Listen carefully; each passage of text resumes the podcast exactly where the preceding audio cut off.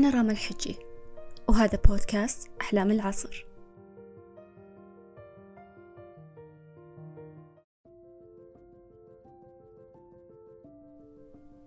يا أهلا وسهلا يا أصدقاء. حلقة اليوم لا أحد ياخذها personally بطريقة شخصية. تراها مبنية على أبحاث وحقائق وشوية فلسفة مني. يعني هيك ما أدري مزيج بين observation على فضفضة على بحوث. فخلونا بس نكون متفتحين الموضوع ونبدأ. طيب هو في شيء طبعا إحنا لاحظناه طبعا مرة يعني ملاحظ يعني كل أحد يلاحظ أن التغيير اللي يصير آه، من كل جيل لجيل. يعني في أشياء مرة واضحة زي تغير مثل التكنولوجيا الثقافة طريقة عمل بعض الأمور. لكن ما أحس أنا شخصيا ما قد فكرت التغيير اللي يصير على الأجيال الجديدة نفسيا وذهنيا. ما قد تعمقت فيها أنا دائما أشوف من الخارج ما قد تعمقت. وش قاعد يتغير من الداخل؟ كيف مختلف عن أخوانهم الأكبر منهم؟ عن أمهاتهم عن أجدادهم. لأن طبعا اللي هو ال trigger كل هذا أن كان في واحد قدامي في الاجتماع جالس. طبعا إحنا كنا في الاجتماع يعني في قدام أشخاص كثير يعني مناصب أعلى من مناصبنا. فواحد منهم كان director حق القسم. إحنا ترى نشتغل يعني في شركة ضخمة.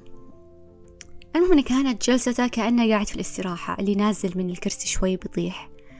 ومايل وتحس إنه خلاص بيموت من الملل يعني مرسوم على كل وجهه. وطبعا كلنا بنموت من الملل ما حد يبي يسمع الواحد يتكلم لمدة ساعة عن شيء حتى ما أدري وش هو لكن ما مبين لكن هو كان واضح على وجهه وجلسته طبعا أنا طول الوقت يدور في مخي واللي يدور براسي وكيف قاعد كذا قدام ال director مو بشيء ولكن أنا مرة ما أدري يعني call me whatever you want old school new school عادي مو عادي بس أنا سواء كان director أو حتى لو كان زميل عمل يعني ما همني أنا إنه مثلا أنت director أنت زميل عمل لسه إذا قاعد مثلا قاعد أجتمع معاك أو بكلمك في أشياء يعني لسه بحافظ عليها زي الاحترام اني بقعد قدامك زين بسمعك بسوي ال eye con يعني ال eye contact معاك. في أشياء يعني بتكون موجودة دائما بالنسبة لي. فأنا يعني سلكت قلت okay يمكن أنا ممكن يسويها مع زميل عمل سلكت بس إنه okay هذا director هذا مدير مديرك. يعني هو حليل وجاي ولابس وقاعد كذا باحترام قدامك فيعني at least reflect whatever he's giving you. فيعني بس إن احترام حتى مو بس له هو الكل جالسين في الاجتماع يعني نصنا ترى ما يبي يكون في الاجتماع ولكننا على الأقل بذلنا جهد التمثيل على أننا متحمسين جدا للاجتماع ومهتمين بكل المواضيع التي ستطرح. بعدين فجأة استوعبت أن كل اللي قاعدين يسووا طبعا هذا الشيء شفته متكرر يعني أكثر من مرة ودائما كل مرة أفكر ليش يسوون كذا ليش يسوي كذا ليش يسوي كذا. طبعا في بنات وفي العيال. بعدين فجأة استوعبت أن السبب أي ثينك إنه هو الجيل. بعدين طبعا جاني سؤال ثاني. أنا ليش ما طلعت كذا؟ هو أنا ترى يعني معلومة أنا مواليد التسعينات. ولسبب ما ما أدري ليش فجأة أغلب اللي قاعدين يشتغلون حولي من الجيل الجديد جيل الألفين.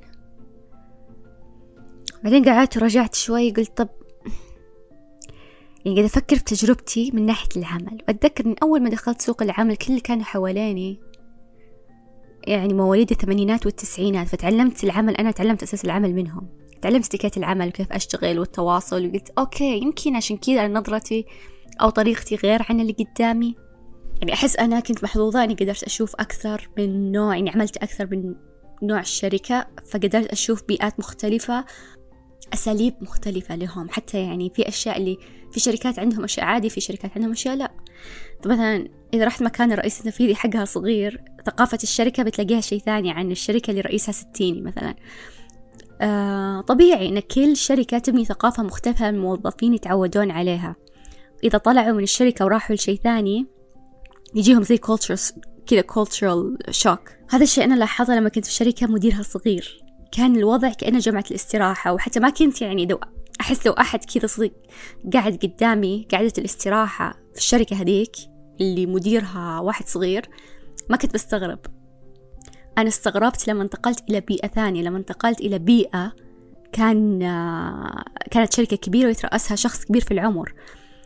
فكانت مختلفة كانت طريقة التعامل مختلفة السياسات مختلفة حتى اختياراتك حتى جلستك محسوبة عليك. فكل أحد كان فيه زي برستيج معين طريقة معينة. طبعا أنا أول ما هذا كنت مصدومة أنا كل أحد كان حسيته مرة حسيته مرة كذا رجد مرة كل أحد كذا كان كأنه يفكر مليون مرة قبل ما يقول أو يسوي شيء. بعدين تعودت فصار أنا الحين اللي كنت أول متعودة عليه صار هو ال shock عندي. طبعا أنا فكرت في شيء معين عشان تعرفون بس. آه، قبل ما أكمل. آه إذا جاني كذا تساؤل تلاقوني فجأة دخلت في الموضوع سويت دراسة وكيف تغير؟ إيه مثلا speaking عن الدراسة أنا والوالد كنا نسولف عن الموضوع قبل كم يوم لما أبوي كان يحكيني عن سواليفه في المدرسة كنت أحسها مليئة بالرعب. لأنه إذا أخطأ في رقم جاله كف. وإذا تكلم جاله كف. وإذا تأخر جاله كف. فيعني الأجيال الأول من ناحية الدراسة كانت صارمة. وطبعا بس الحين يعني معلمين الحين غير معلمين الأجيال الماضية. حتى الأمهات الحين غير عن الأجيال الماضية. فتبدأ التصرفات تختلف لأن تبدأ العقول تختلف. يعني نرجع لناحية الدراسة. أنا على وقتي ما كان في سالفة الكفوف. حتى أتذكر مرة يمكن كان عمري 11 سنة جيت الأستاذة ورمت قلم على رأس واحدة من البنات بالصف حتى ما أظنها كانت ناوية ترميه عليها بس يعني رمتها عشان تبين إحباطها. من البنت وأتذكر اللحظة زي أمس وكان الفصل كله يشاهق. بعدين سكوت. لحظة صمت من الصدمة. إن ما كان عندنا هذا الشيء ما في شيء بالقوة مع إننا كنا أطفال لكن شفنا وكنا ندري إن لا أنا عندي حق هنا وفي في حد الموضوع يعني كنا واعيين بهذا الشيء رغم إن كنا أطفال. يعني أتوقع لو بابا كان بوقتي كان يعني أخذ كفوف وحسن عادي. لكن إحنا لا كنا غير واعيين إنه لا ما يصير. بعدين حتى مثلا من طريقة اللعب طبعا أنا كنت طفلة تعشق الطبيعة. أربعة وعشرين ساعة برا حتى بعز حر الرياض برا بين الشجر والتراب ألعب. سيكل ودمى وكل يوم كذا أقوم حماس عشان ألعب آه، بالدمى حقتي و... وحتى كانت معدل التلفزيون يعني أشوف التلفزيون يمكن تخيلوا ساعة. مرة أحس على شيء غريب الحين إنه كيف كنت أشوف مرة تلفزيون قليل. حتى ما كنت حمست مرة.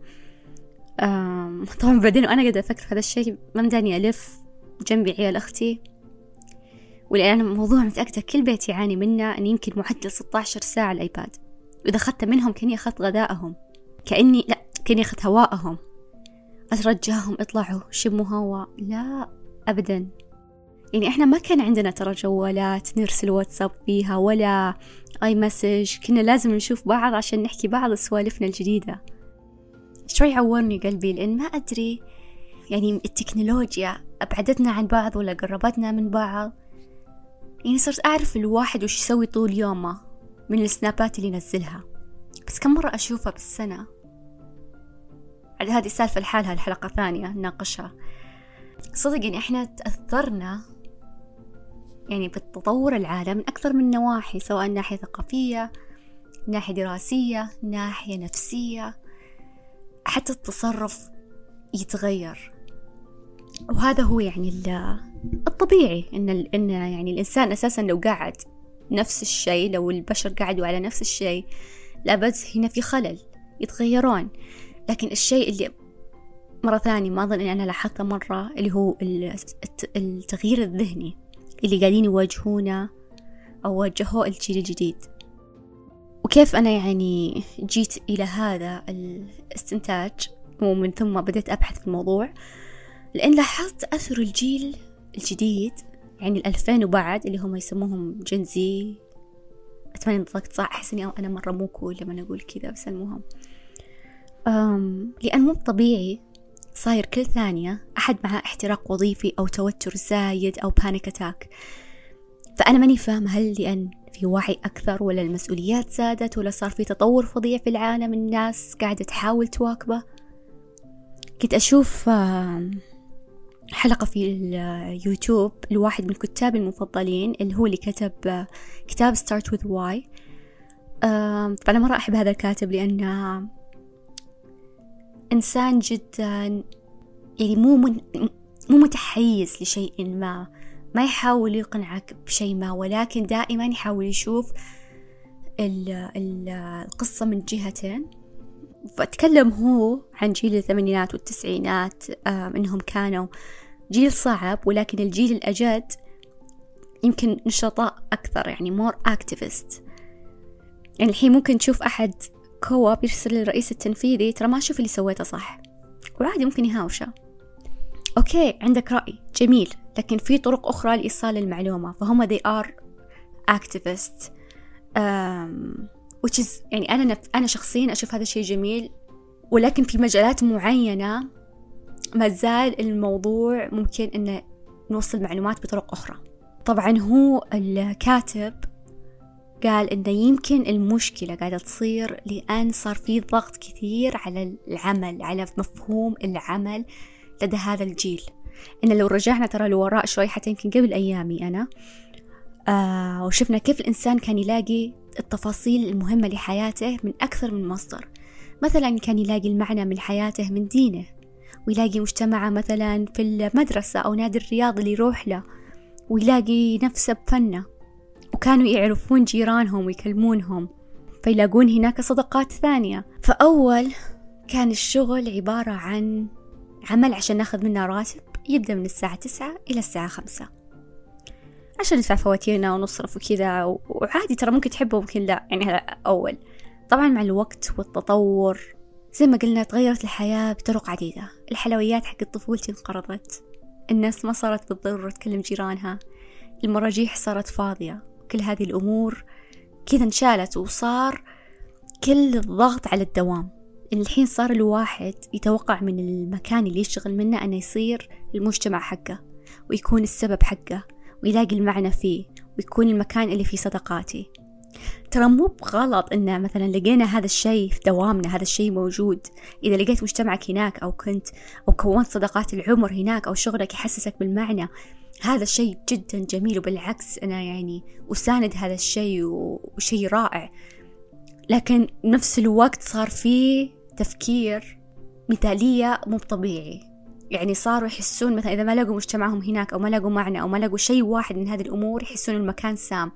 المكان غالبا مو بسام يعني مو مثالي لكن ليس سام. يعني له أغلاطة. لأن كلمة سام ترى كلمة كبيرة جدا. فصار الواحد يحس بالإحباط. يحس بالتوتر الزايد. أنا لازم ألاقي كل هذه الأشياء من عملي. لا تحبس وتضغط على نفسك إنك ما لقيت شيء من هذول أشياء في عملك. إذا لقيت واحد منهم لقيت كلهم الحمد لله الحمد لله. إذا ما لقيت في أماكن أخرى تنظر لها. في النهاية وجودك وكيانك أعظم من عملك أصلا. أنت مو بعملك ولا إنجازاتك. وفي شيء اللي قال عنه كمان الكاتب إنه مشكلة زيادة ويمكن انضافت اللي هو إن لازم الشركة الحين تتوافق مع أفكاري وآرائي.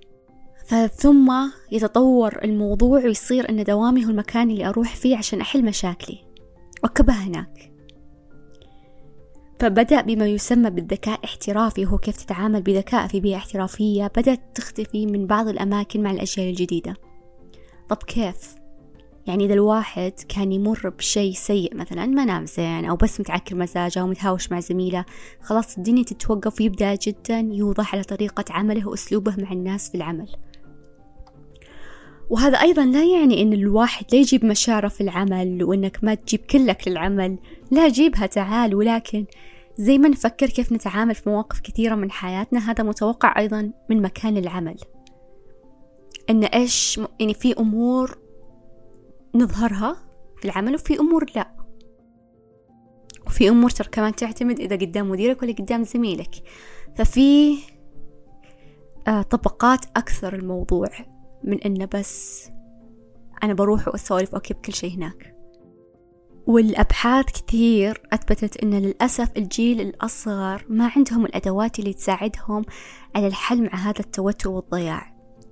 ترى العالم يخوف الحين. بعض الأحيان تجيني الصيحة إذا فكرت إني ممكن أربي أطفال يوم من الأيام ويكبرون في هذا العالم. فكيف هذا الجيل الحين قاعد يتعامل مع هذا التوتر؟ وفي اختلاف ترى بين الجيل الأجاد والجيل اللي قبله واللي قبله واللي قبله. وفي عوامل كثيرة زي وجود ال social media تغير بيئات العمل والتطور. ويقولون في جزئية صارت ضايعة من هذه الأمور وصاروا ما يبون يتواصلون أو يوقفون قدام الشيء يعني ممكن يدعسون نفسهم يخلون أحد ثاني يؤذيهم. عشان ما ما يبون يواجهون الموضوع. أو حتى يطنشونهم إلين ما سبحان الله يختفون من حياتهم. حتى شيء يعني كثير لاحظتها في في العمل عندي. الجيل الأصغر مني عندهم صعوبة في المواجهة. إذا صار شيء غلط عندهم صعوبة أن يروح يقول لفلان إن هذا غلط أو أنت غلط أو إن أنا أحتاج كذا منك. فأنا بحثت زيادة عن الموضوع وطلع هذا الشيء يعني صدق حقيقي. قاعدين يدرسون عن الجيل الجديد لسبب ما لا يحب المواجهة ويفضل إنه يطلع نفسه من السالفة قبل ما يواجه.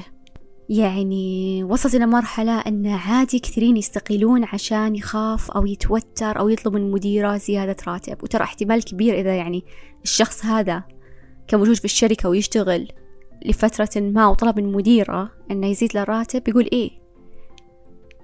لكن هو تعدى هذه المرحلة وصار ما يبي يواجه الأمور ويقعد يفكر أشياء في راسه قبل ما يعرف الحقائق. بعيد وأكرر مرة ثانية ترى كل شيء اللي نتكلم عنه في هذه الحلقة مو بغلط ولا صح هو بس موجود هذه الأشياء موجودة. يعني كل جيل كان له عيوبه وحسناته.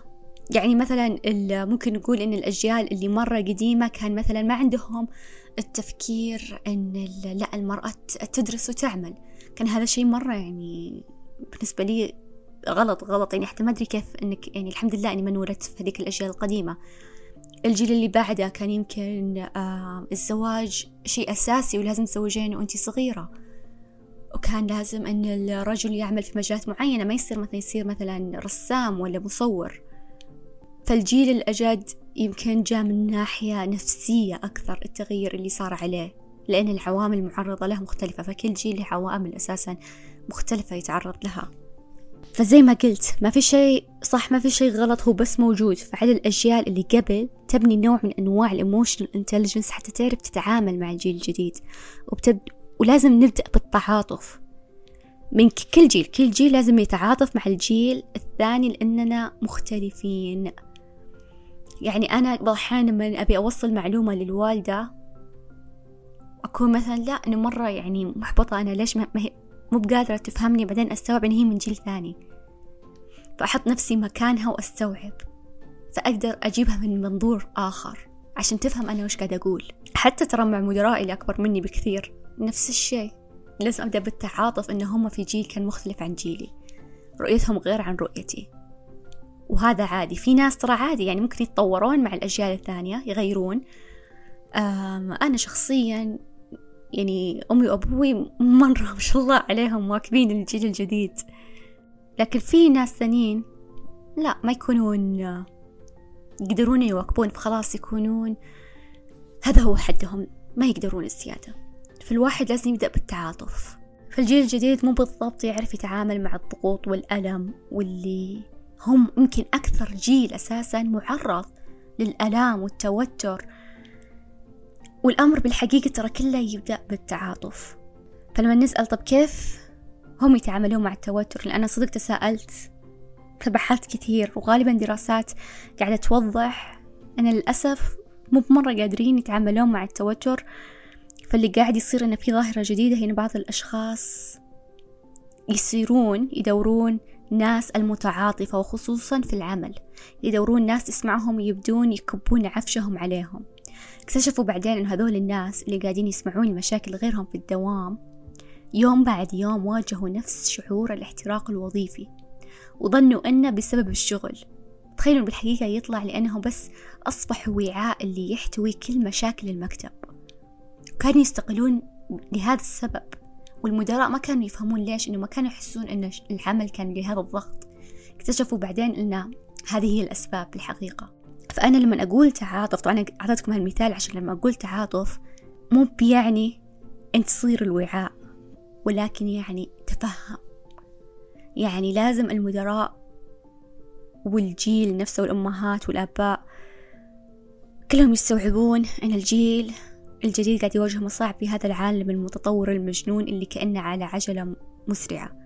يعني العالم دائما ما تدري وش بيصير بس يا الله الحين احتجاجات حروب مشاكل يعني الله يحفظكم جميعا يا رب. ولكن الحقيقة أن العالم الآن غريب ومخيف فالواحد غصب يتساءل إن كيف كيف هذا الجيل قاعد يتعامل مع هذه الأمور؟ خصوصا كل ما يصغر الجيل أكثر وأكثر أحس أنا قاعدة أشيل همهم أكثر وأكثر. والوضع كل ما لا يصير بزيادة رمادي. لما الواحد خلينا نرجع لسالفة إنه مثلا أن هذه بيئة سامة لما يكون في الدوام إنه مثلا ما لقى المجتمع ولا الصداقة ولا whatever. أرجع أقول هي صح ما في بيئة مثالية أكيد ليست مثالية ولكن كلمة سامة كبيرة جدا يعني في لها مقياس إيش يعتبر سام. وترى الحين يعني في سوق العمل صارت سالفة البيئة مهمة إنه صارت يعني في وعي أكثر في ثقافة أن الصحة النفسية مهمة صارت سالفة البيئة الزينة مهمة وبدأوا يستوعبون هذا الشيء الحمد لله حتى في خصوصا في الشرق الأوسط. وصار يتطبق وشوف أنا الشركات تتنافس عليه. لكن مرة قليل في شركات مثالية حتى ما أتوقع إنه فيه بس آه، مرة ثانية عادي إذا ما لقيت كل شيء في عملك. في أماكن ثانية تلاقي فيها معنى تلاقي فيها مجتمع وهكذا. أحس إني هوشت كثير بس أبي أسلط الضوء على شيء ثاني. إن من ناحية ثانية متوقع إن هذا الجيل الجديد بيصيرون أمهات وآباء رهيبين لأن عندهم الوعي بالصحة النفسية عندهم هذا الوعي عالي. وهذا مرة مهم لأن الأطفال يتضررون لما أهلهم يكون عندهم أمور نفسية لم تنحل أو حتى ما كان عندهم وعي عنها. والأمانة شيء جدا جميل وأحب مرة أحب أشوفه لأن زي في نكتة تضحكني يقولون أن الولد في الثمانينات قاعد يربي الخامس وحقين الألفين جابوا الثاني وحقين التسعينات في النص لسه ندور الشغف ما الشغف. فأنا الآن المتفرجة أشوف الجيل الصغير كيف قاعد يربي. وبالفعل يعني أنا قاعدة أشوف كثيرين أصغر مني أعرفهم قاعدين يربون. قاعدين يحاولون يكسرون أي عجلة سامة تورثتها الأجيال يقولون لي إن مثلا أنا ما أبي بنتي تصير عندها هوس النحف زي ما أنا كنت عند جدتي وعند أمي. أنا ما أبي ولدي يصير ما يقدر يتكلم معاي زي ما كان أخوي مو بقادر يتكلم مع أبوه. فمثلا إذا كانت فهم بيكسرون هذه العجلة العجلة اللي هي مثلا زي إذا كانت الجدة عندها هوس في النحف تنقل لبنتها وبنتها تنقل لبنتها وبنتها تنقل لبنتها وهكذا. فهذا الجيل الصغير لأنهم عندهم وعي في الصحة النفسية يكسرون هالعجلة ما يخلونها توصل لعيالهم هم. يمكن هو من أجمل التطورات اللي للأمانة أنا شفتها شخصيا. أستمتع لما أشوفهم يربون بطريقتهم هم بهذه الطريقة الجميلة. طبعا يمكن في مناطق الوعي أكثر من من مناطق أخرى ولكن أساسا عامة في طريق طويل جدا حتى نصل إلى مرحلة تعتبر شبه مثالية. ولكن قاعدة أشوف التطور يعني ترى صدق موجود اللي قاعد يصير بهذا العالم من خلال هذا الجيل الجديد.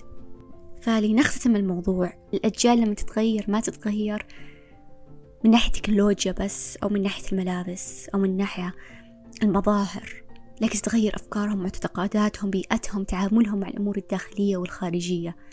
فإحنا كل ما نكبر لازم يكون عندنا تعاطف ووعي إن الجيل اللي بعدنا واللي قبلنا مو بزينا. فالشي اللي مشى عليك يمكن ما يمشي معهم. يمكن انت مريت بشي هم ما راح يمروا فيه أو ما مروا فيه والعكس صحيح.